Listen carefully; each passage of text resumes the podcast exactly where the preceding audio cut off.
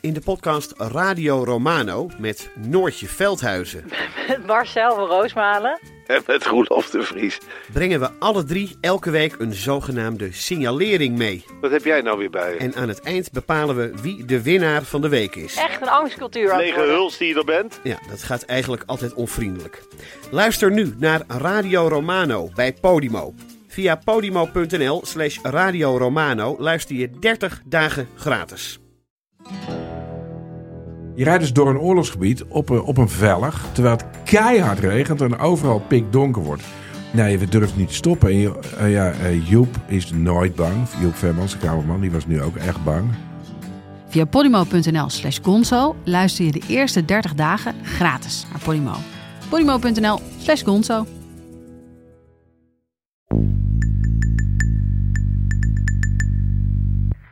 We interrupt this program to bring you a special news bulletin from CBS World News. A press association has just announced that President Roosevelt is dead. All we know so far is that the president died at Warm Springs in Georgia. Dit is Betrouwbare Bronnen met Jaap Jansen.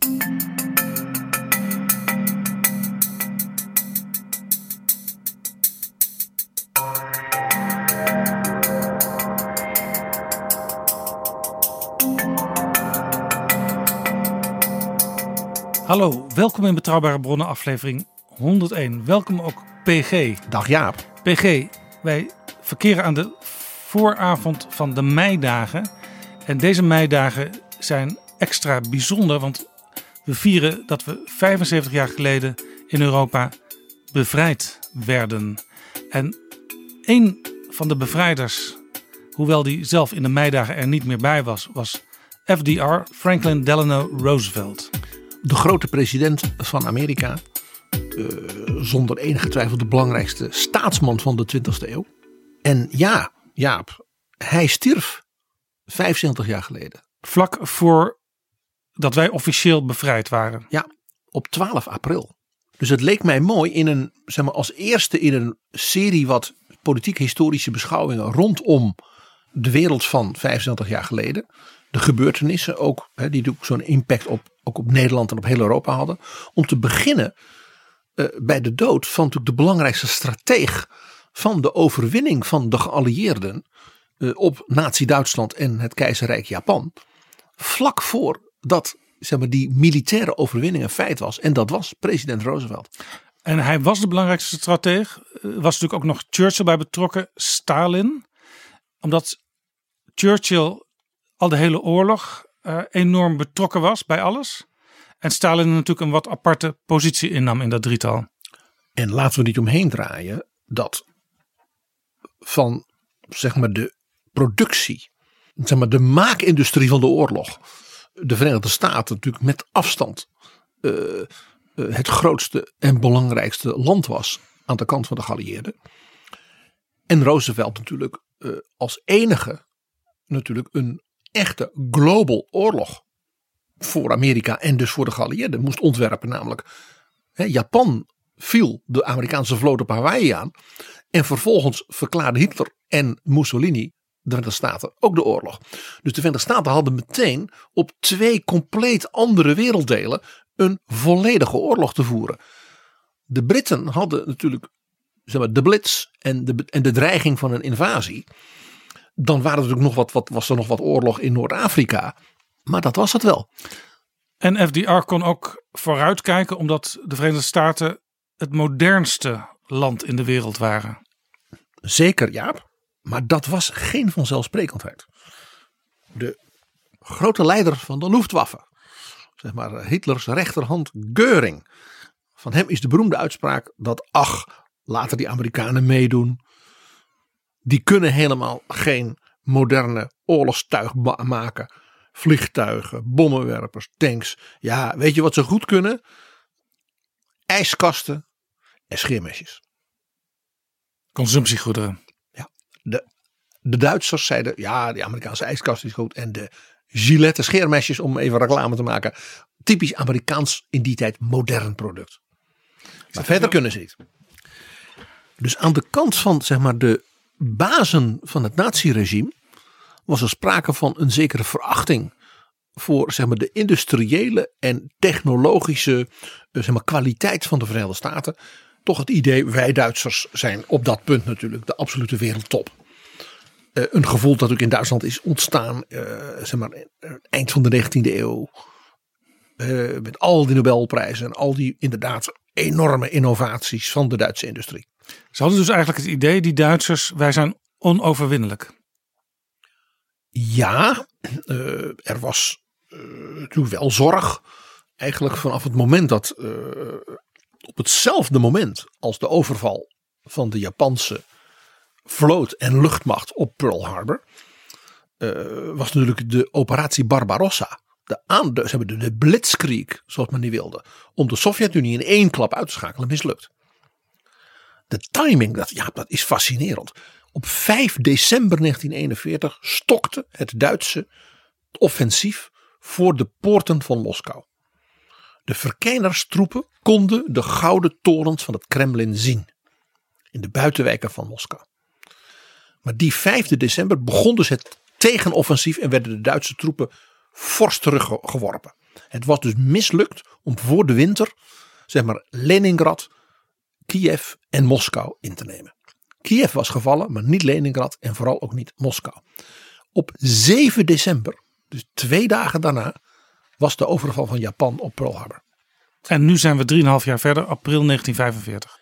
En president Roosevelt, die dus neutraal was ja, tot de ochtend van 7 december, had dus in die 3,5 jaar die enorme Amerikaanse economie dus omgeturnd. Eigenlijk een soort tweede New Deal. Ja, dus de economie helemaal, ja, in feite ook met kredieten hè, uh, omturnen. Was natuurlijk een echte oorlogseconomie gemaakt met rantsoenering en alles in Amerika. Ook in Amerika was benzine was op de bom. Jawel. En de productie van die economie ja, was dus ongekend. Uh, de hoeveelheid ja, spullen die ze maakten voor ook de Sovjet-Unie. En voor de Britten en natuurlijk voor de Canadezen. En voor eigenlijk alle bondgenoten en vooral voor Amerika zelf natuurlijk. Waren ongekend in ja, gewoon de massa en vervolgens ook de kwaliteit. En dat betekende dus dat Roosevelt dus niet alleen zijn bondgenoten kon voorzien van spullen. En daarmee dus zij van hem volledig afhankelijk waren. Maar ook dingen als olie hè, vanuit Texas. Uh, en natuurlijk, uh, de president was natuurlijk op dat moment al acht jaar president. Uh, vergeet niet dat Churchill nauwelijks een jaar premier was. Op dat moment. Roosevelt was door alle wateren gewassen. En was natuurlijk een grande personaliteit. En er was ook niemand die twijfelde aan zijn leiderschap. Exact. En hij was dus de man die de strategie maakte. Ik heb uh, in juli vorig jaar in Betrouwbare Bronnen die drie delen van Nigel Hamilton over Roosevelt als zeg maar, strateeg van de overwinning. Uh, toen een keer uitgebreid behandeld. Wie dat aspect, dus voor 12 april 1945 van zijn werk, uh, nog een keer wil meemaken, beluister die editie. Ja, de verwijzing staat aanklikbaar in de beschrijving van deze aflevering. 12 april 1945. President Roosevelt is niet op het Witte Huis. Hij is in een kuuroord dat hij zelf had laten bouwen.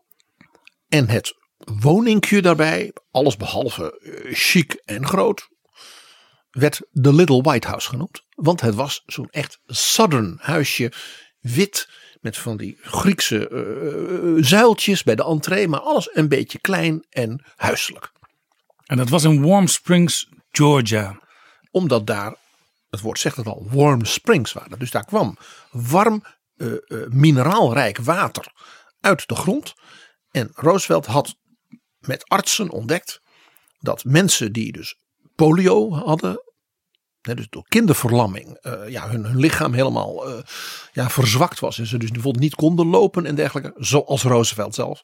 Dat die door te zwemmen en te baden in die warme, mineraalrijke uh, wateren, dus veel minder ja, pijn hadden. daarbij dus ja, zeg maar, hun, hun, hun, hun lichaam dus als daar ontspannen raakte. En ze dan daarna vaak hè, wekenlang gewoon weer beter voort konden. Dus Roosevelt kwam daar regelmatig. Hij had dat zelf laten bouwen.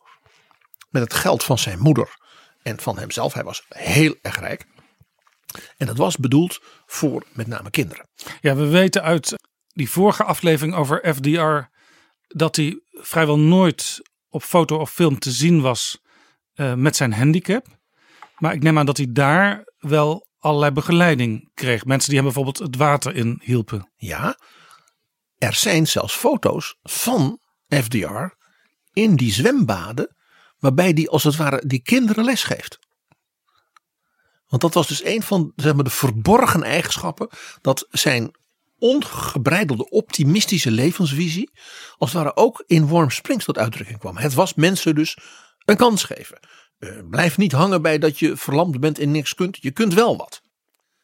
Dus hij was ook bijna een soort halve, nou ja, psycholoog, arts, vaderlijke oom voor al die kinderen uit heel Amerika. En tot de dag van vandaag wordt in Amerika geld ingezameld. Dat heet de March of Dimes. Dus de opmars van de dubbeltjes. Voor dus kinderen met polio. En nu begrijp jij waarom op de dubbeltje, de dime in Amerika, het portret staat van Franklin Delano Roosevelt.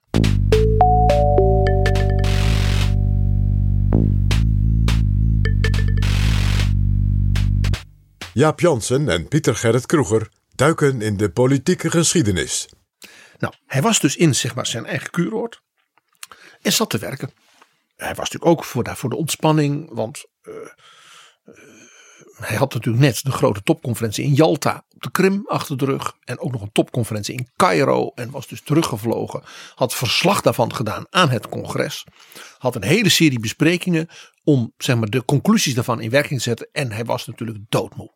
En grote delen van Europa waren al bevrijd.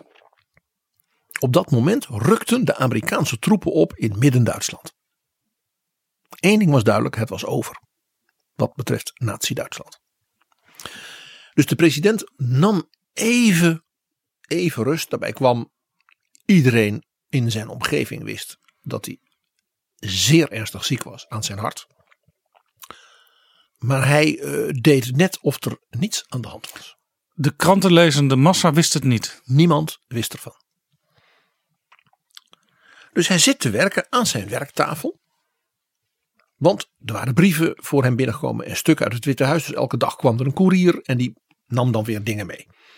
En de schilderes Elisabeth Shumatov zat er ook bij, want die was bezig een schets te maken. Een grote schets voor een aquarel portret van de president. En daarom had hij die ochtend speciaal de das omgedaan van de Harvard Crimson. Het blad van de studenten in Harvard, waar hij hoofdredacteur van was geweest. En daar was hij nog altijd trots op. Dat is ook mooi symbolisch. Aan het eind van zijn leven terug naar de jeugd en het begin van zijn volwassen leven. Uh, men vond die ochtend dat hij er behoorlijk goed uitzag. Minder grauw en uitgeput als de dagen daarvoor. Hij had een lekker kleurtje. En hij had ook trek. Niet de dagen daarvoor. Hij at weer goed. En ze hadden het idee, de president komt weer een beetje bij. Hij had sowieso goede zin, want in de dagen daarvoor had hij bijna elke dag gebeld met een oude vriendin. En die zou op bezoek komen en die zou die schilderes, mevrouw Shumatov, meenemen. Ja, dat is goed. Die had al eens eerder getekend bij een eerder bezoek. Die oude vriendin was Lucy Rutherford. En die zou met de trein komen vanuit haar zeer chique buitenhuis in, uh, South Carolina. En dan met een boemeltje uh, naar het dichtstbijzijnde station uh, in Macon, Georgia. Het is allemaal heel, heel ruraal, hè? dat hoor je wel. En dan zou zij komen en dan zou ze ook een paar dagen voor de gezelligheid erbij zijn.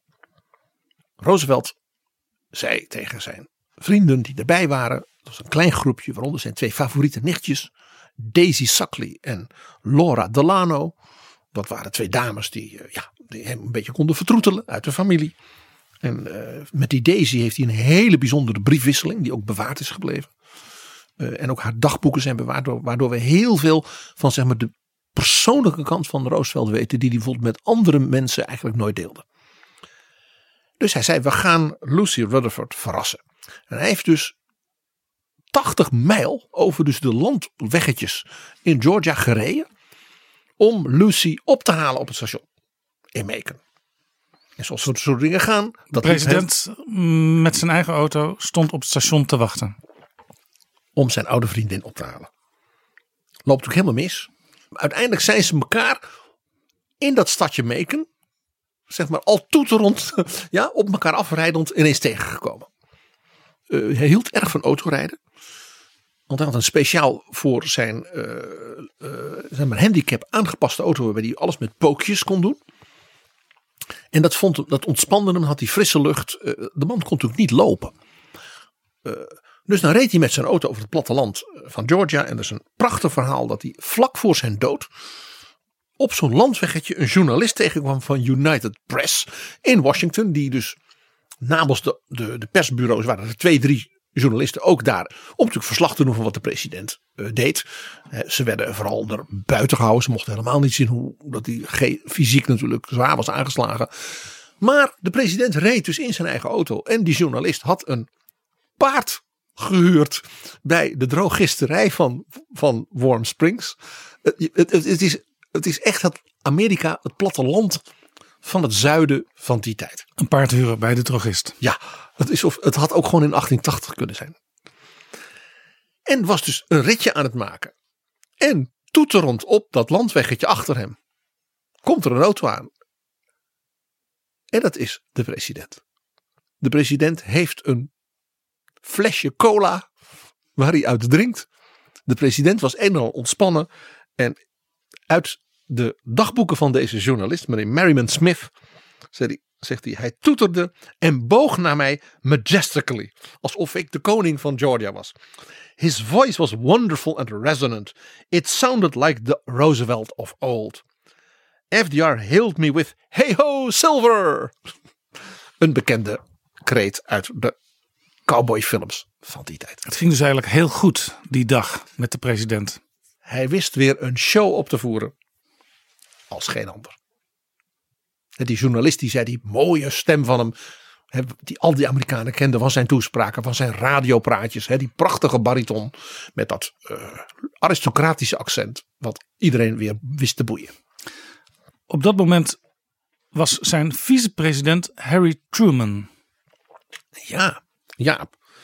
Die was natuurlijk op het Witte Huis. Want ja, die, zeg maar, die bewaakte het fort. Dus wat deed hij die ochtend? Die dacht, ik ga naar het kapitool. Want ik moet nog eens even met die praten en nog wat lobbyen voor dat wetsvoorstel. En hij was natuurlijk als vicepresident voorzitter van de Senaat. Ja. De Senaat zou ook in, was ook in zitting. Eh, dus hij zou natuurlijk even afspreken van wel, welk gedeelte van het debat zal ik voorzitten. Eh, en bovendien, ja, de Senaat, dat waren zijn vrienden. Harry Truman was natuurlijk net drie maanden vicepresident op dat moment. Dus Ja. ja. En geïnaugureerd. daarvoor was hij senator. Hij was tien jaar lang senator voor het kleine staatje, dun bevolkt Missouri in de Midwest. Staat die we kennen van de stad St. Louis. En hij was natuurlijk uit Independence, Missouri, waar ook zijn presidential library is. Een buitenwijk van Kansas City. Kortom, business as usual in DC. En in Europa gebeurde op dat moment van alles. Want de troepen, de bevrijdingstroepen rukten op. Ja, en die 12 april is ook in dat opzicht dus een hele historische datum.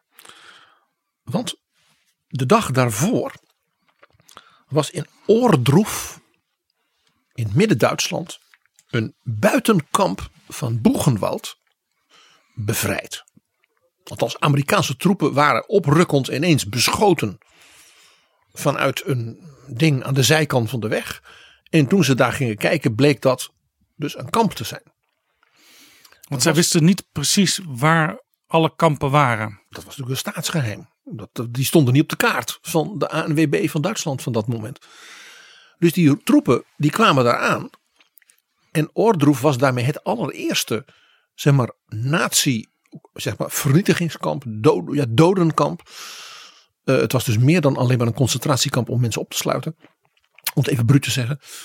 Eh, dat is bevrijd door Amerikaanse troepen. Die mensen hadden dus geen idee wat ze daar zouden aantreffen. Totdat ze daar waren. Dat werd dus onmiddellijk doorgegeven aan het hoofdkwartier.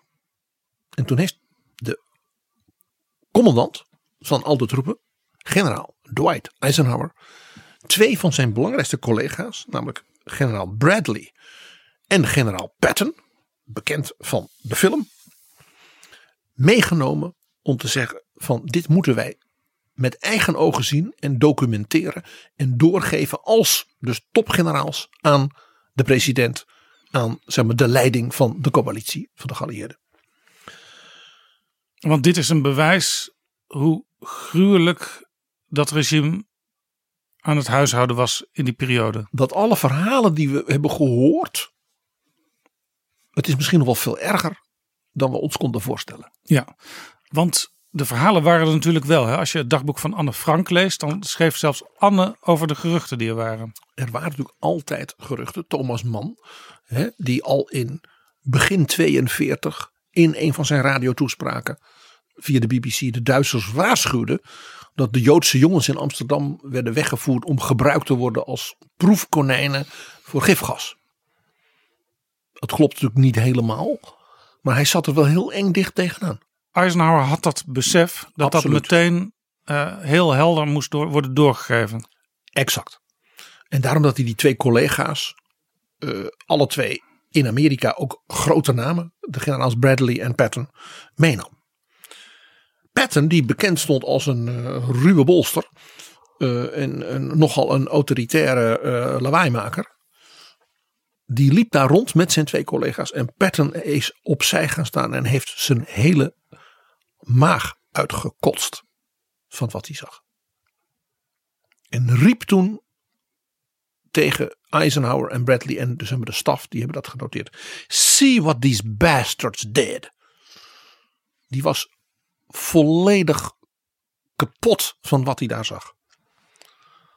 Ze zagen daar honderden mensen die of net gestorven waren of stervend waren van ja, gewoon eh, erger meer dan honger en ziekte en alles. Ze zagen bovendien brandstapels waarbij de SS geprobeerd had eh, dus lijken, nou ja, zeg maar de dag voor de, dat de troepen van de Amerikanen kwamen, te verbranden. Maar dat was dus niet helemaal gelukt. Eh, dus dat stonk allemaal, nou ja, vliegen, maden enzovoort. En een ding wat toen ook meteen wereldwijd daarna bekend werd. Er was een soort slachtblok, hakblok van een, uit een slagerij waar de kaken van de doden verbrijzeld werden, zodat je de gouden kiezen eruit kon halen. Te gruwelijk voor woorden. Je kunt je voorstellen dat zelfs zo'n ruwe vent en krachtige leidersfiguur als Patton letterlijk de maag draaide om. Het eerste kamp waarmee de bevrijders geconfronteerd werden. In Duitsland. Uh, Auschwitz was bijvoorbeeld al, was al bevrijd door de Russische In. Polen? In Polen.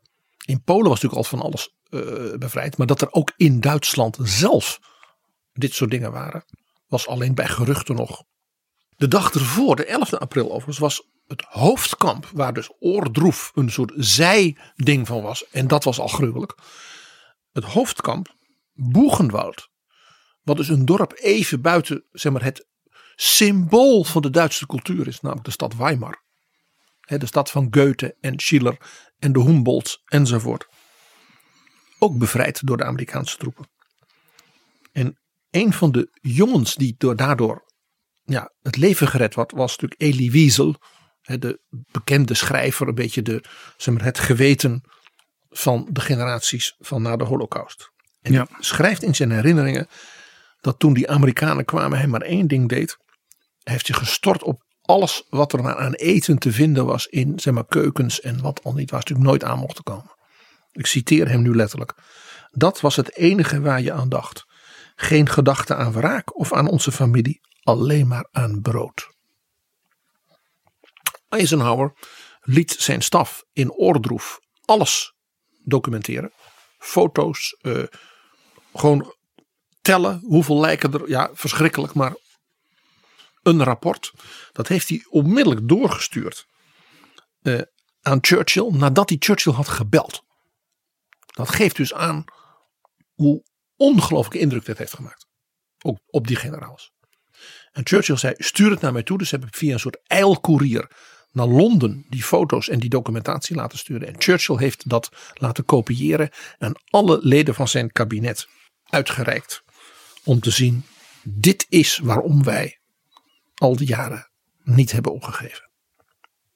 En Eisenhower zei: ja, ik zal ook de president informeren. Maar het is natuurlijk nu Europa, Europese tijd. Dus ik, morgenochtend spreek ik de president uh, dan telefonisch even. En ik zal ook hem dit sturen. Zodat Churchill en FDR daar ook over zouden kunnen praten. Gebeurde allemaal terwijl FDR dus in Georgia zat bij te komen. Uh, na hele zware periode. Hè, dat was natuurlijk de verkiezingen van november 44. Hè, toen hij natuurlijk campagne had moeten voeren. Daarna ja, zijn nieuwe kabinet, alles regelen.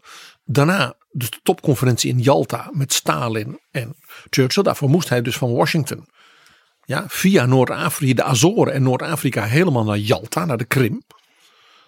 Stalin zei: Ik kan niet weg bij, bij het front. Flauwekul natuurlijk. Dat was, hij wou de greep op hebben en alles kunnen afluisteren. De doodzieke president moest dus hè, op die manier naar Rusland. En moest dus weer terug via Cairo. In Cairo heeft hij een tweede topconferentie gehouden. Nou, met, de, met Churchill ook. En een aantal leiders uit zeg maar, het Midden-Oosten. Om te praten over wat gaan we doen nou na de bevrijding van Europa. En hoe kan, kunnen dus de heersers in het Midden-Oosten helpen. Uh, als het ware de wereld weer nou ja, erbovenop te helpen. Dit is Betrouwbare Bronnen. De president ging naar Warm Springs om natuurlijk uit te rusten, uh, ja, bij te trekken. ja, zijn gezondheid, die natuurlijk zwaar aangeslagen was, nou ja, een beetje nog overeind te houden. En drie dingen deed hij terwijl hij daar was. Eigenlijk het voorbereiden van de wereld na de oorlog. Hij zei tegen zijn allerbeste politieke vriend, dat was de premier van Canada, Mackenzie King. Vlak voordat hij dus met de trein naar Georgia ging, was die nog bij hem. Op het Witte Huis? Op het Witte Huis. Die spraken elkaar zeer vaak. En toen zei hij tegen hem: We zien elkaar binnenkort in San Francisco. Want jij komt toch ook? Ja, ik kom ook. Hij zegt: En niet verder vertellen.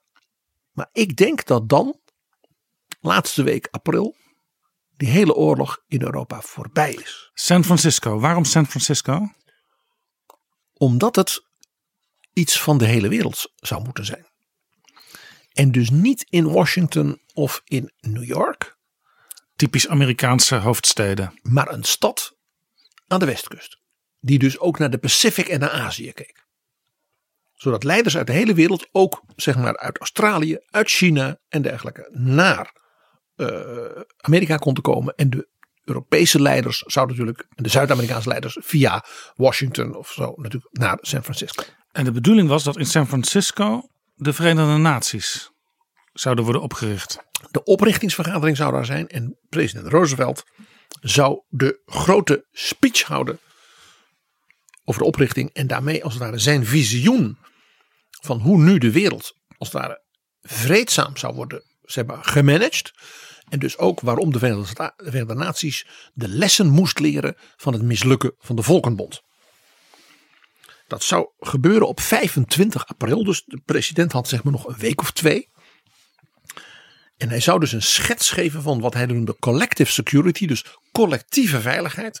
Waarbij dus er een eind zou komen aan het voeren van oorlog. Doordat als er dus conflicten in de wereld waren. De grootmachten ondersteund door het collectief van de VN. Zouden kunnen bemiddelen dan wel ingrijpen. Ja, want de Volkenbond bleek uiteindelijk toch vooral een praatclub te zijn waar sommige landen ook helemaal niet in zaten en andere landen weer uitstapten? Nou, het allerergste was dat de Verenigde Staten als oprichter van de Volkenbond vervolgens had gezegd: wij gaan er niet in.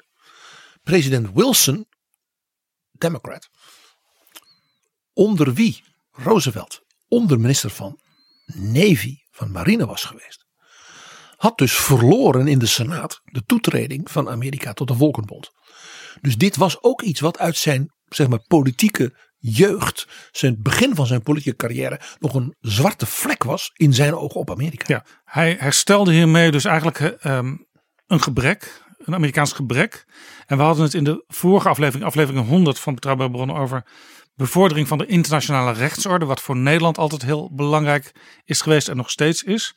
Maar hiermee zei FDR, die bevordering van de internationale rechtsorde, is in het belang van de hele wereld. En daarvoor richten wij de Verenigde Naties op. Hij was er niet voor niks zo trots op dat hij een Dutchman was. Dus die speech, daar ging hij goed voor zitten. Hij zou natuurlijk een ontwerp krijgen en dan had hij ook rustig de tijd bij het ontspannen en met zijn, zijn lievelingsnichtjes en met Lucy Rutherford die zou komen. En nou, nog een tweede speech waar hij aan ging werken. Dat was de partijspeech, de grote jaarlijkse partijspeech. De Jefferson Jackson Day. Genoemd naar Thomas Jefferson. Inderdaad. De Democratische Partij viert elk jaar dus zeg maar zijn oprichter zou je kunnen zeggen. President Thomas Jefferson, de schrijver ook van de Declaration of Independence. De derde president van Amerika. En ze eren ook dan president Jackson, een van zijn opvolgers in het begin van de 19e eeuw. Die als het ware de, zeg maar, de man is die de Democratische Partij een soort populaire partij van het volk heeft gemaakt. Interessant genoeg is dat het grote voorbeeld als president voor Donald Trump. In die speech, die natuurlijk via de radio zou worden uitgezonden, zou hij dus voor de Democrats, de partij, dus een optimistisch, we gaan nu de toekomst tegemoet toespraak houden, zoals dat natuurlijk hoort. We gaan bouwen.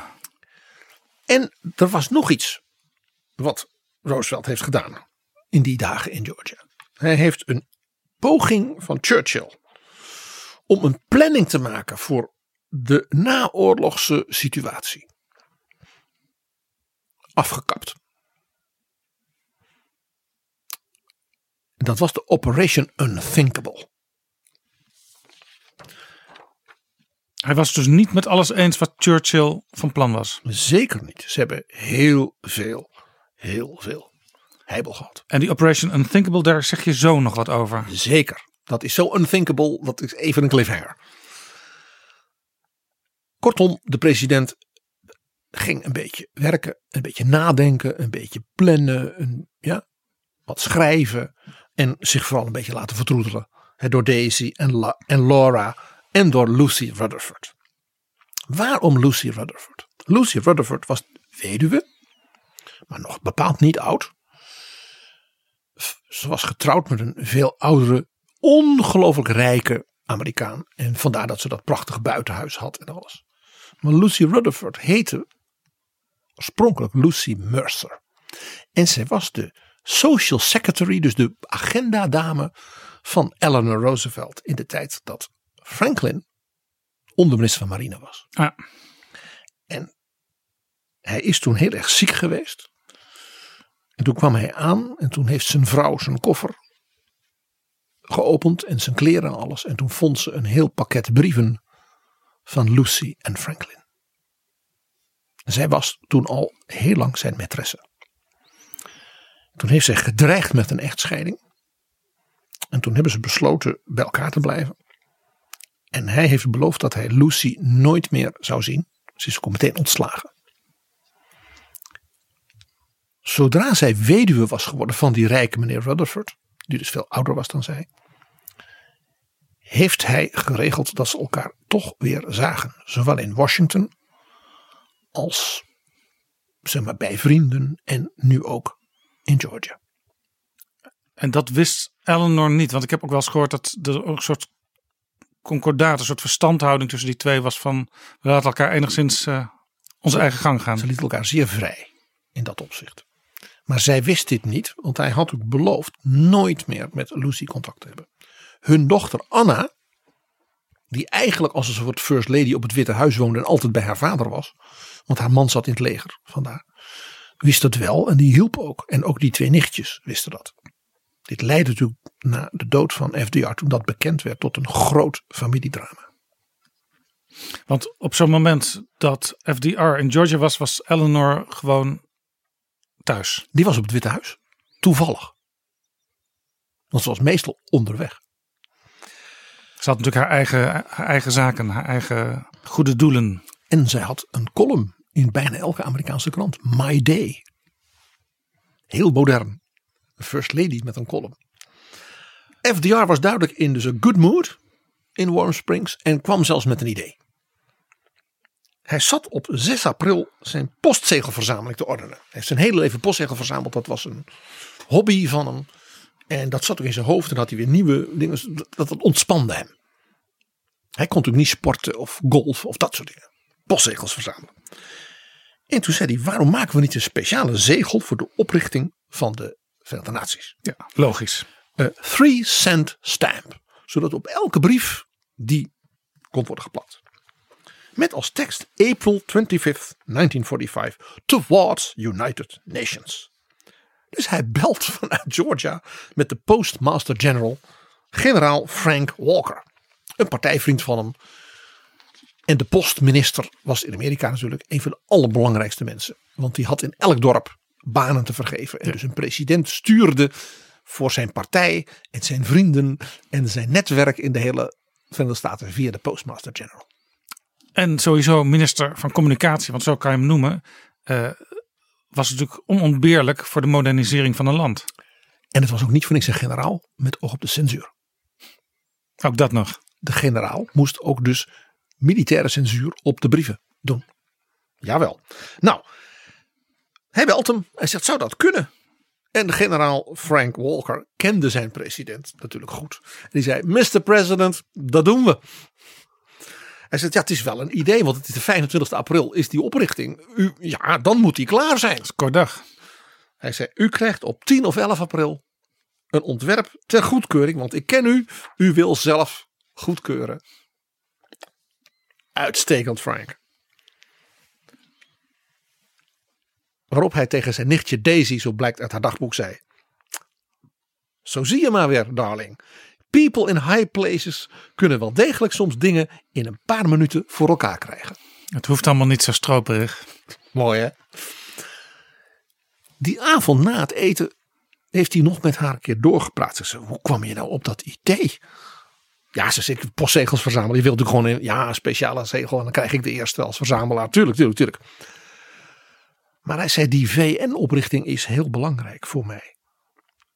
I want to play my part in world peace. En hoe zag hij dat? En toen zei hij tegen haar, ik lees nu voor, opnieuw dat hij waarschijnlijk komend jaar kan opstappen, dus als president, als die vredesorganisatie, de United Nations, goed is opgestart. En hij had haar alles verteld. Eigenlijk zou ik wel dan de eerste secretaris-generaal van die nieuwe VN willen worden. Dus hij had nog grote plannen. Hij droomde nog. Wetend dus hoe slecht het met zijn hart was. Maar die man kon niet stoppen, letterlijk. Dus dan zou Harry Truman president worden. Dat had hij dus duidelijk, daar had hij over nagedacht. Hè? Dat hij toen hij Truman vroeg. Hij was natuurlijk al in zijn vierde periode als president. 32, 36, 40, 44 de verkiezingen gewonnen. Niemand voor of na hem heeft dit gepresteerd. En er waren toen ook officieel geen restricties, hè? Nee, die zijn onmiddellijk doorgevoerd door de Republikeinen na zijn dood. Maar hij wist, uh, dit, die vierde termijn is echt wel de laatste. Hij dacht aan opstappen en dan de VN gaan leiden. De man had nog een droom. Die speech voor de Jefferson Jackson Day, daar was ook iets aparts mee. Op 24 maart, dus vlak voordat hij naar Georgia ging, had hij een lunch in de, zeg maar, een soort zonnebankachtig iets van het Witte Huis. De zogenaamde South Portico. Daarboven was een soort serre gebouwd, zodat de president lekker kon zitten, zon kon vangen, want hij kon natuurlijk verder niet bewegen buiten. En hij lunchte met zijn dochter Anna en zijn speechschrijver. Een van zijn speechschrijvers, maar de beroemdste, Robert Sherwood. Een hele bekende toneelschrijver en literator. En ook een beetje een praatpaal van hem. Dus met die man praatte hij ook gewoon over het leven, over de politiek. En van werk dat is uit dit idee voor een speech. Ja. En die zei: Ik wil in die Jefferson speech een paar dingen opnemen over het belang van de wetenschap. Dat kennis, innovatie, eh, de wereld verandert. Want je weet toch, uh, Jefferson was natuurlijk een groot politicus, en schrijver en dit en dat, maar hij was ook een enorme wetenschapper. Jefferson is een beetje de Alexander van Humboldt van Amerika. Hij zei dus tegen Robert Sherwood, weten we uit zijn memoires, Jefferson was a scientist as well as a democrat. En dan moet je wat benadrukken, want de wetenschap gaat nu nog veel belangrijker worden. Die gaat de wereld veranderen. En de toekomstige wereld die wij nu gaan bouwen, nu hoor je die VN weer, die zal door de wetenschap worden bepaald. Ja, hij nam dus in feite al een sprongetje naar de nieuwe wereld nadat alles toch weer goed zou komen. Sherwood zei van, nou ja, Mr. President, uh, ik ga wel even in uh, zeg maar, de boeken over Jefferson bladeren en eens even kijken, quotes van hem over de wetenschap en dergelijke. Hij zei, maar ik dacht, waarom wil je het met, waarom wil je het over de wetenschap hebben? Waarom niet over de overwinning die nu komt en over de nieuwe wereld die we gaan bouwen? De nieuwe wereld gaan we bouwen en de wetenschap gaat die bepalen. Sherwood dacht, nou ja, oké. Pas veel later had hij door. Zo zei hij. Roosevelt wou de Amerikanen via deze speech over Jefferson voorbereiden op de atoombom. Dus alvast een psychologische bodem leggen in het denken van de mensen, terwijl de mensen nog niet konden beseffen waar het eigenlijk over ging. Want die atoombom was nog heel erg groot staatsgeheim. Dat was het allergrootste geheim van dat moment. En Roosevelt wist dat hij bijna klaar was. En dat die, die geleerden daar in Los Alamos in New Mexico bezig waren. Hè, dat eerste exemplaar voor te bereiden, te testen. Om hem dan een keer in die woestijn tot ontploffing te brengen. Dat zou alleen gebeuren als de president persoonlijk toestemming gaf. Dus hij wist daar alles van. Robert Sherwood wist van niks. Maar pas, hij zegt pas veel later, maanden, maanden, maanden later, drong tot mij door. Dit was dus weer zo'n visionair iets van deze president om via zo'n speech, via de radio, de geesten rijp te maken voor dus die nieuwe wereld en die nieuwe tijd die kwam. Dit is Betrouwbare Bronnen, een podcast met betrouwbare bronnen. En ik praat met P.G. Kroeger over FDR Franklin Delano Roosevelt in april 1945. Hij zat nog vol plannen, terwijl het later zijn laatste dagen bleken te zijn. Ja, Jaap, hij was zelfs ook nog bezig met plannen van anderen de nek om te draaien. Want Roosevelt was een politicus door en door. Hij bemoeide zich overal mee. Machiavellist. Zoals zijn rechterhand Lincoln Gordon ooit tegen me zei. Devious, Mr. Kruger. Devious. Ja, je had het eerder in deze aflevering al heel kort even over een plan van Churchill. Operation Unthinkable. En daar wil ik inderdaad nu even iets over zeggen. Dat is een van de allerlaatste dingen die Roosevelt heeft gedaan. Dus, dus iets wat Churchill wilde de nek omdraaien. Ook om dus de legendevorming zeker Van dat die twee zulke geweldige vrienden waren. Ja, dat was ook zo op een bepaalde manier. Maar Roosevelt was, als het puntje bepaaldje kwam, wel de baas. Churchill liet zijn generaals en zijn staf een scenario maken voor wat er zou kunnen gebeuren nadat Hitler definitief ten val was. Stel nou dat Stalin Polen en die andere Oost-Europese landen dus zo onder de knoet zou brengen dat er geen vrije verkiezingen kwamen, dat het, uh, alle afspraken niet zouden, zouden worden nagekomen, dan zouden toch de Verenigde Staten en Engeland gezamenlijk moeten optreden. Ja, Churchill had dus echt het idee, we hebben Hitler overwonnen, maar er is nog zo'n type, weliswaar van een heel andere ideologie, maar in de praktijk vergelijkbaar, en dat is Stalin. En we moeten dus voorkomen dat hij greep krijgt op die gebieden die nu bevrijd worden door ons. En als we niet opletten, dan zit Stalin daar met eh, zijn satellieten. Het ging natuurlijk om die delen die Stalin met de troepen van de Sovjet-Unie had bevrijd. En Churchill had dat door. Nou ja, die was daar bevreesd voor. En dat had hij ook natuurlijk met Roosevelt eh, besproken. En dat hadden ze in Jalta dus ook besproken. Van u moet in Polen vrije verkiezingen toestaan. En Roemenië en Tsjechoslowakije. Ja, ja, ja, ja, ja. Nou, Churchill die zei: wij moeten uh, ons dus prepareren op druk op de Sovjet-Unie en eventueel zelfs militaire druk. Als ze uh, niet doen wat we hebben afgesproken. En die heeft dus door zijn generaals een soort operatie Barbarossa 2.0. Dus een inval in de Sovjet-Unie. Vanuit zeg maar Zaksen in Duitsland. Want daar zouden de Britse en Amerikaanse troepen, hè, wat later de DDR werd, tot zijn, zijn opgerukt. En de 100.000 nog resterende Weermachttroepen daar, die konden wel meehelpen vechten, hadden ze bedacht. Vanuit het idee, die hebben nog voldoende energie, wat natuurlijk niet zo was. Nee, het was merkwaardig. Uh, daarbij kwam dat generaal Eisenhower had gezegd: nee, we hebben afspraken gemaakt. Wij gaan niet met de troepen van Engeland en Amerika en Canada versneld oprukken richting Berlijn. We gaan over een breed front. We gaan het zuiden van Duitsland, Beieren en ook het midden van Duitsland bevrijden. We gunnen de Sovjet-Unie dat zij Berlijn innemen.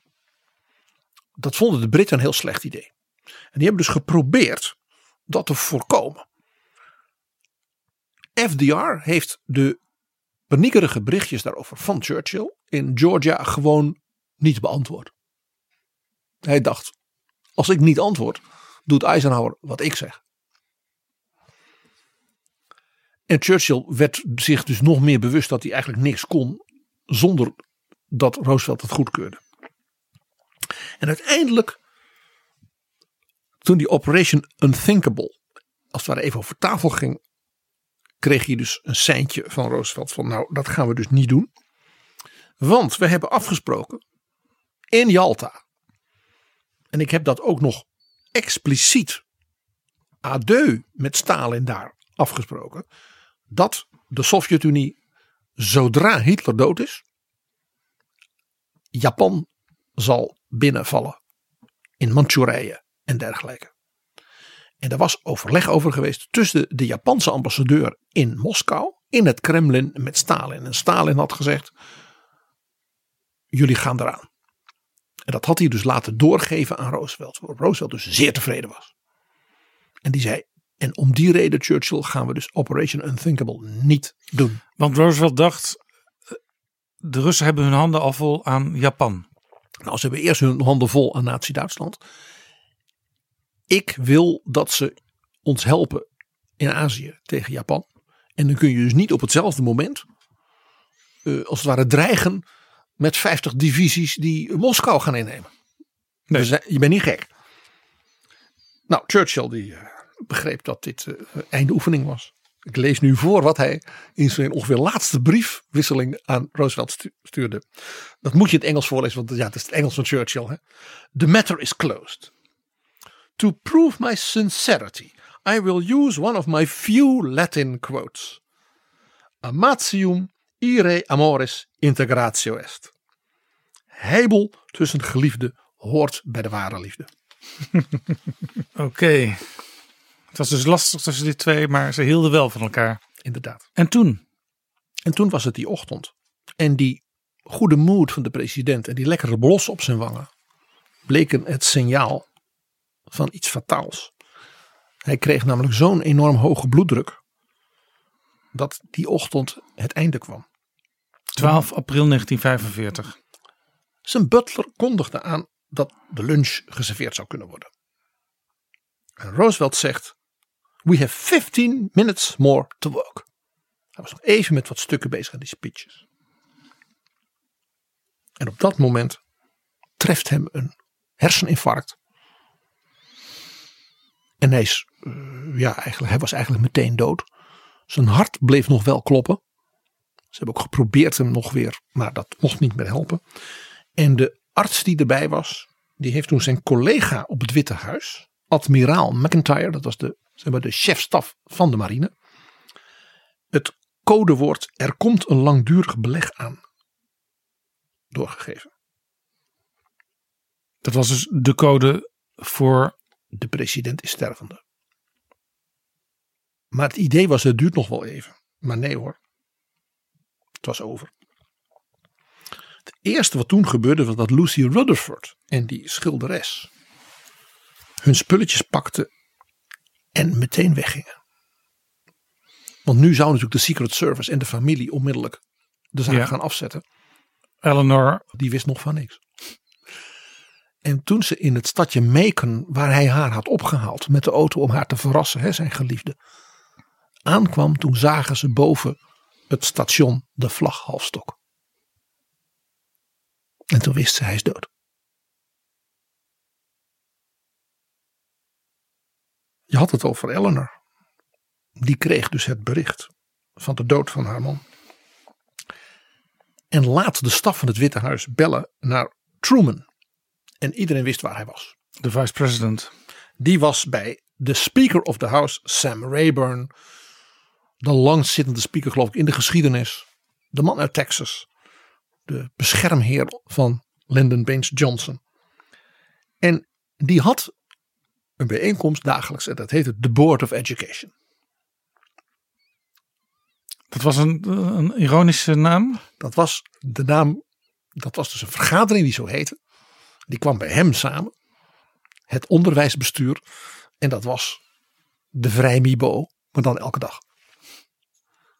Waar ze bij wijze van spreken met de benen op tafel eh, van alles met elkaar bespraken. En een goede bourbon. En hij kwam uit Texas. En hij had dus ook altijd excuus. Ja, ik kan helaas maar kort hier zijn, want ik moet naar de Board of Education. Juist. De Board of Education, dat was dus Sam Rayburn. De, zeg maar, de majority leader in het huis. De senaat. En natuurlijk Harry Truman. Dus die zat te borrelen. Die zitten bij elkaar. En, het, en er komt een seintje uit het Witte Huis. Dat hij onmiddellijk moest komen. En de formulering was zo dat Truman eh, niet de auto heeft genomen. Want dat duurde te lang. Truman was een wandelaar. En is dus in hoog tempo van het kapitool. Hè, dus die, die, die heuvel af naar het Witte Huis gelopen. rechte lijn. En kwam daar aan. En ziet Eleanor staan. Die stond hem op te wachten. Die zegt: Harry, the president is dead. En hij zegt tegen haar: Oh, Eleanor, is there anything I can do for you? Waarop zij zei: No, Harry. Is there anything we can do for you? You're the one in trouble now. Wel netjes van eh, Truman dat hij eerst Ja. aan Eleanor denkt. Ja, dat, eh, dat was ook een, een, een heel, heel, heel zuiver mens. En Eleanor wist hoe zwaar het presidentschap op zijn schouders ging rusten nu. Je bent net drie maanden vicepresident. En je moet een gigant opvolgen. Waar zij bovendien natuurlijk alle goede en slechte kanten van kende. Kwart voor zes ging het officiële nieuws naar buiten. Eh, het, ik heb hier het, eh, zeg maar het, het, het telexbericht. WASN, afkorting dus voor Washington, streep FDR dead. Good evening, ladies and gentlemen. This is Fulton Lewis Jr. speaking from the Mutual Studios in New York City. This nation has suffered this day a staggering loss. At this moment at Warm Springs, Georgia, President Franklin D. Roosevelt lies with the problems of, his, of the nation finally lifted from his shoulders, stricken late this afternoon with cerebral hemorrhage. He passed away before his physicians could be of any assistance, if assistance in such a case is possible at all. Vice President Harry Truman, who from here on will be President Truman, went immediately to the White House. A special cabinet meeting was called, and we should more, know more about what is going to happen in Washington as the evening wears on. But Franklin D. Roosevelt, the first president to be elected for four terms in the White House, has passed away. And that is the overshadowing shadowing of all news events that have happened or can happen for quite a while. Zo ging het. Later die dag ging Truman natuurlijk weer naar de, het kapitool. Weer naar de Board of Education. Bij, bij Rayburn op zijn kantoor met vrienden uit de Senaat. En toen zei hij: Hebben jullie ooit als jongen op het werk op het land een baal hooi op je kop gehad? Een hele grote zware baal hooi. Zo voel ik me. Alsof de maan en alle sterren en de hemel op mijn kop donderden. Harry Truman was heel anders dan FDR. Een hele aardse boerenjongen. Je begrijpt dat het bericht van Eisenhower over het kamp Oordroef nooit bij FDR is aangekomen. Er gebeurde nog iets.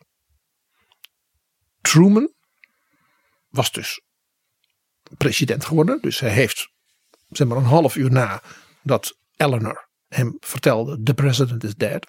De eet afgelegd. In het Witte Huis. Een van de heel weinige presidenten die dus in het Witte Huis de eet heeft afgelegd. Dat moest natuurlijk zo snel mogelijk. Ja, normaal gebeurt dat natuurlijk op Capitol Hill. Met een groot feest en uh, inauguratie en wat al niet. Of bij een andere crisis in het vliegtuig. Hè? Lyndon Johnson vocht JFK op. Ja, op het vliegveld van Dallas. Dit was dus in het Witte Huis. En Truman moest dus ineens de Oval Office en. Die man moest dus volledig voor zichzelf gaan inrichten. Ja? Dus je begrijpt, dat was wat. En na twee dagen krijgt hij bezoek in zijn agenda gezet. Een aantal generaals. En die zei, ja, Mr. President, wij moeten u even bijpraten. En die dacht, nou, dat gaat over eh, hoe gaat het nu met die laatste dagen voor uh, Berlijn valt.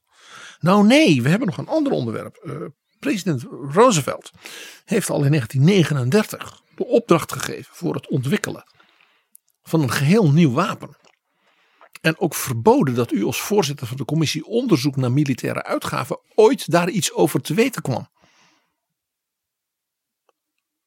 En is, ja, zei ze, dat is dat zwarte budget van miljarden.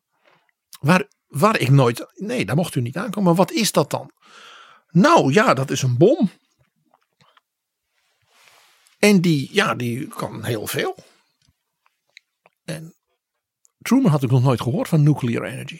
Hij had ook niet, uh, ook niet theoretisch daarvan gehoord. Dat was voor mensen als Einstein en Fermi. Die brachten uh, Roosevelt op het idee. In een brief, 1939. En zeiden ja, Mr. President, nog iets. Die bom is klaar. En hij moet getest worden en in de woestijn in, in, in New Mexico. Ja, dat is een compleet. Hij wist van niets. Dus u moet beslissen of u die test wil laten doorgaan. En u moet beslissen of u hem wil gaan gebruiken straks tegen Japan. Hij kreeg dus eigenlijk meteen de beslissing van zijn leven ja. voor zich. Ja. En hij wist van niets. En intussen in Europa, in Berlijn. kwam het nieuws ook aan. En Hitler zat daar nog in zijn bunker. Ja en werd geïnformeerd door Jozef Goebbels, zijn minister van propaganda en van media en van. En die zei: Roosevelt is dood. Juichend. Dit is ons 1762. Hitler begreep het onmiddellijk. Op het dieptepunt van de politieke militaire loopbaan van Friedrich der Große van Pruisen voerde hij oorlog tegen Rusland, Habsburg, Oostenrijk, Hongarije en Frankrijk tegelijk. En zijn legers waren verslagen. Berlijn was al bezet geweest door Oostenrijkers en door Russen. En toen stierf de tsarina Elisaveta van Rusland. En haar opvolger, de kroonprins, was een Pruisengek. Die vond Frederik zijn voorbeeld. Dus die coalitie van de keizerin van Rusland, de keizerin van Oostenrijk en Madame de Pompadour van Frankrijk viel uit elkaar. En dat werd genoemd Le Miracle du Maison de Brandenburg. Het wonder van het huis van Brandenburg. Dus Hitler dacht eigenlijk: dit kan mijn kansen keren. We kunnen alsnog misschien wel overwinnen. Hitler zei tegen Goebbels: zie je wel, ik heb het altijd gezegd, de oorlog is nog niet verloren. Je zit in een bunker, ja, de Russen staan voor de deur, letterlijk. En je denkt, we gaan nog winnen. En de Russen werden natuurlijk ook geïnformeerd. Zeker. Natuurlijk, onmiddellijk. En de staf van het Witte Huis, Harry Truman, die een van zijn eerste dingen was, dat de gezant van de Verenigde Staten, en dat was een persoonlijke vriend uh, van president Roosevelt, een jonge ondernemer, multimiljonair, een democrat uit New York, net als hij, Everal Harriman, die ging naar het Kremlin om officieel aan Stalin dus de dood van Roosevelt te melden. Hij mocht onmiddellijk door. Hij werd onmiddellijk naar het kantoor van Stalin geleid. Het was duidelijk dat iedereen wist waar hij voor kwam. En de deur ging open en bij binnenkomst liep Stalin van achter zijn bureau op hem af. Pakte zijn hand, schudde die niet, hield hem vast en heeft bijna een minuut lang gezwegen. En toen zei hij: Roosevelt is dood, maar zijn levensdoel moet voortleven. En daar bedoelde Stalin dat hele idee van die Verenigde Naties mee. En toen vroeg hij aan Harryman: Ik wil iets doen. Wat moet ik doen, zegt u de mij dat nou? Dat Amerika laat zien dat ik de samenwerking die ik met Roosevelt had wil voortzetten. Waarop Harriman zonder enig overleg met het Witte Huis, want dat had hij gekund natuurlijk, zei: stuur Molotov naar San Francisco voor de oprichting van de VN. Die zei: U moet uw eigen belangrijkste diplomaat daarheen sturen, zodat iedereen weet: dit is serieus. Dit is geen volkenbond waarbij landen die dus in de coalitie zaten, uiteindelijk niet mede verantwoordelijk willen zijn voor de vrede. En dat is ook gebeurd. En was dat ook geloofwaardig dat Stalin dat zo omarmde? Molotov wou niet. Dit is een persoonlijke ingreep van Stalin geweest. Dat was, ze waren eigenlijk van plan om nog flink te difficulteren. En dat is toen niet gebeurd. Want het idee van de Sovjet-Russen was: wij gaan gewoon in ons eigen rijk, onze eigen gang. Uh, ze hebben geprobeerd elke deelstaat van de Sovjet-Unie een stem te geven in de VN. Estland, Letland, Litouwen, Belarus, Kazachstan, Armenië. Zodat de Sovjet-Unie 30 stemmen had. Dat was difficulteren. Het werden er eigenlijk drie. Rusland, Oekraïne en Belarus. Ja, wat al heel opmerkelijk was. Dat was een concessie die Roosevelt in Jalta had gedaan. Nou ja. Want de Verenigde Staten hebben uh, niet voor meerdere staten stemmen. Nee, geen 50 stemmen. Dat toch leuk geweest hè, dat, dat Delaware net zoveel stemmen had als China. Dit geeft dus aan hoe Stalin ook persoonlijk dus echt geraakt was. Ja. Door de dood van FDR. Het was natuurlijk wel zo dat uh, bij de ideeën zat ook de Veiligheidsraad. Dat was ook een groot verschil met de Volkenbond. En in die Veiligheidsraad zou de Sovjet-Unie een veto krijgen. Zeker. Dus die achterklep had hij wel. Dat was allemaal uit onderhandeld. Berlijn, Moskou. In Londen zat Churchill. Ja. Toen hij het bericht kreeg, was hij diep geschokt. Niet verrast. Heeft ook koning George uh, uh, geïnformeerd natuurlijk. En uit zijn dagboeken, dat weten we dankzij Andrew Roberts, die als eerste historicus al die dagboeken van de koning had mogen lezen. Dankzij zijn dochter Elisabeth II. En in dat dagboek uh, beschrijft Roberts dat Churchill de meest indrukwekkende zeg maar, lijkreden tegen de koning heeft gehouden. Over enig andere nou ja, mens die die met de koning had besproken. Een privéreden van Churchill bij de koning. Want dan heeft hij onder andere gezegd wat hij ook tegen zijn dochter heeft gezegd. I loved that man. Ondanks al het gedoe wat er ook tussen hun was. Tuurlijk. Op 17 april was er een herdenkingsdienst in de St. Paul's Cathedral. Natuurlijk voor de hele ja, Britse elite, de politiek, alle diplomaten en alles. En daarna zou Churchill in de House of Commons een soort lijkrede houden. Na afloop van die dienst liep Churchill naar buiten. En fotografen die dachten waar is Churchill? En toen stond hij tussen twee zuilen in de entree. En ik lees voor. He was bareheaded, sobbing as the shaft of sunlight fell on his face. Dat weten we onder andere uit de dagboeken van een van zijn ministers, Chip Channon. Hele beroemde dagboeken. Ja. Als er fotografen bij waren geweest, dan was dit de foto van dat moment geweest. Ja, die fotografen die waren er, maar die hebben dat dus niet gefotografeerd. Hij stond met een grote zakdoek te janken als een kind. En was dat uit, uit pietijd dat dat niet gefotografeerd werd? Want ja. in, in 2020 zou dat natuurlijk de foto zijn. Ja, dat zou nu meteen op Instagram staan. Daarna moest hij natuurlijk naar het parlement.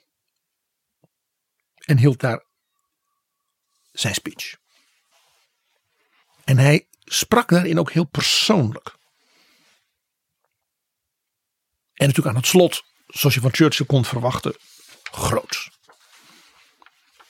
In die speech vertelde hij over de laatste keer dat ze elkaar zagen. Ik lees voor uit de speech. At Yalta, I noticed that the president was ailing. His captivating smile, his gay and charming manner had not deserted him, but his face had a transparency, an air of purification, and often there was a faraway look in his eyes. En Churchill man bijna mediteert dan op wat hij had gehoord over het moment van overlijden van Roosevelt. When death came suddenly upon him, he had finished his mail. That portion of his day's work was done. What an enviable death was his. He had brought his country through the worst of its perils and the heaviest of its toils. Victory had cast its sure and steady beam upon him. Prachtig. De, de, overwinning straalde al op hem af. En dan eindigt hij zo. All this was no more than worldly power and grandeur. Had it not been that the causes of human freedom and social justice, to which so much of his life has been given, added a luster to all this power and pomp and warlike might. For us, it remains only to say that in Franklin Roosevelt there died the greatest American friend we have ever known, and the greatest champion of freedom who has ever brought help and comfort from the New World to the Old. Hij was dus diep geraakt, Winston Churchill. Maar ook mooi. De post van die dag was klaar. Ik bedoel, dan ben je natuurlijk een groot, ook schrijver, maar ook retor. Dat, dat deel van zijn werk van die dag Ja. was klaar. En eigenlijk is het, eigenlijk is het een metafoor voor zijn werk was af. En jij en ik weten dat de laatste brief ongeveer was er een geweest waarin Churchill gewoon met zijn kop onder water had geduwd tot hij met Operation Unthinkable stopte. Mooi hè? goed, Churchill, dat zat, slag natuurlijk ook een beetje onder dit, deze speech. Churchill had natuurlijk te danken aan FDR uiteindelijk dat de Tweede Wereldoorlog ten einde liep en klaar was. Ja. Er was natuurlijk nog een spreker van het allerhoogste niveau, zeg maar van de wereldliteratuur, die op dat moment ook zat te schrijven. In Los Angeles, in Pacific Palisades, even boven Malibu.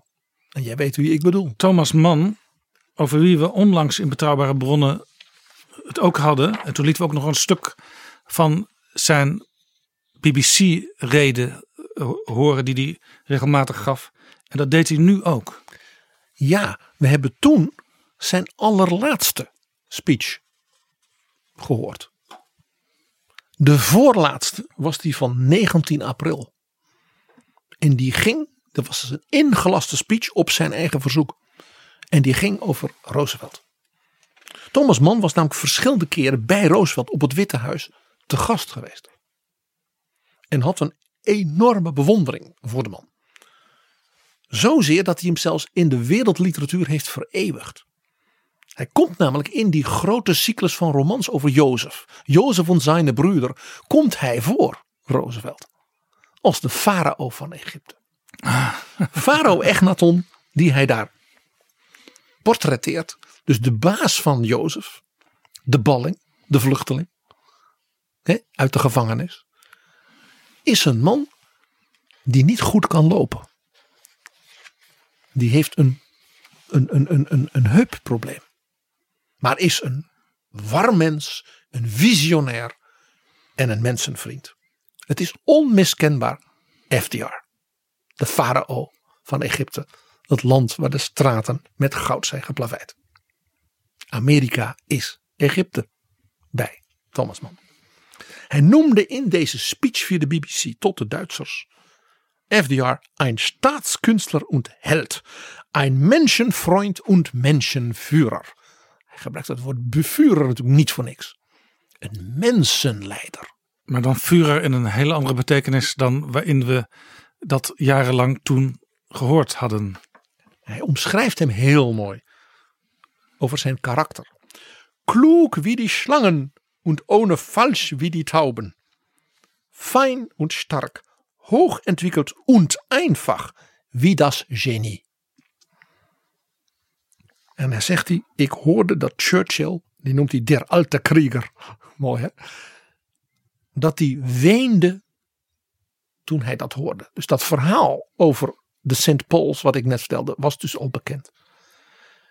En hij zegt, dat zegt alles over Roosevelt. Dat een man als Churchill tot tranen was bewogen. En hij zegt dat tegen de Duitsers hè, op 19 april dat ze één ding moesten beseffen.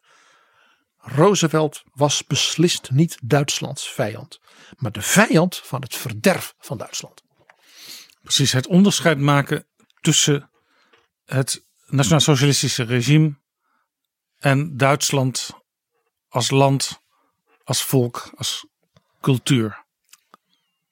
Thomas Mann wist dat FDR als kind met zijn beide ouders, hij was een nakomeling. Zijn vader was geloof ik al in de 60 toen hij geboren werd, zijn moeder in de 40. Zij dacht dat ze nooit een kind zouden krijgen en toen kwam er een zoon. En zij gingen dus altijd op vakantie in de Duitse kuuroorden. Bad Kissingen en Baden-Baden. En is natuurlijk als kind meegeweest met zijn vader en moeder naar de Bayreuther Festspielen van de Wagner opera's. FDR kende Duitsland als vakantieland. Dat was het verhaal van de laatste dagen van FDR. Hij had natuurlijk op het laatste moment nog aan die speech zitten werken hè, voor Jefferson Jackson Day. Die speech waar Robert Sherwood teksten voor had aangeleverd. Waarvan hij niet begreep wat de president dan misschien wel mee had bedoeld. Waarom die wetenschap zo Ja. duidelijk naar voren moest komen in dat verhaal. Het belang van wetenschap. Op 11 april heeft hij die speech bij de hand genomen. Met de teksten van Sherwood. En is er nog eens even in gaan editen. En hij zou die speech houden op 13 april. En ik lees nu voor de zinnen die hij heeft ingelast in het concept. The work now, my friends, is peace. More than an end to war. An end to the beginning of war. To all Americans who dedicate themselves with us to the making of an abiding peace, I say the only limit to our realization of tomorrow will be our doubts of today. Let us move forward with strong and active faith. En dit was dus eigenlijk het, het voorwoord ook bij die oprichting van die Verenigde Naties die enkele weken later zou plaatsvinden. En dus de conclusie van het betoog over hoe de wetenschap dus de wereld nu ging veranderen. Want het ging niet om alleen maar een eind aan de oorlog. Het ging om een eind aan het beginnen van oorlogen. De kernbom als wapen om te voorkomen dat men oorlogen begon. En als methode dus om vrede af te dwingen. Zeker. Dankjewel PG voor dit verhaal over FDR. Een verhaal ook in het kader van 75 jaar bevrijding. Dankjewel Jaap. En laten we eindigen met het advies dat FDR gaf. Een kleine drie maanden voor zijn dood op 20 januari 1945 bij zijn vierde inauguratie. Een advies aan de wereld. And so today, in this year of war, 1945, we have learned lessons at a fearful cost, and we shall profit by them. We have learned that we cannot live alone. We have learned that we must live as men and not as ostriches, nor as dogs in the manger. We have learned to be citizens of the world, members of the human community. We have learned the simple truth, as Emerson said, that the only way to have a friend is to be one.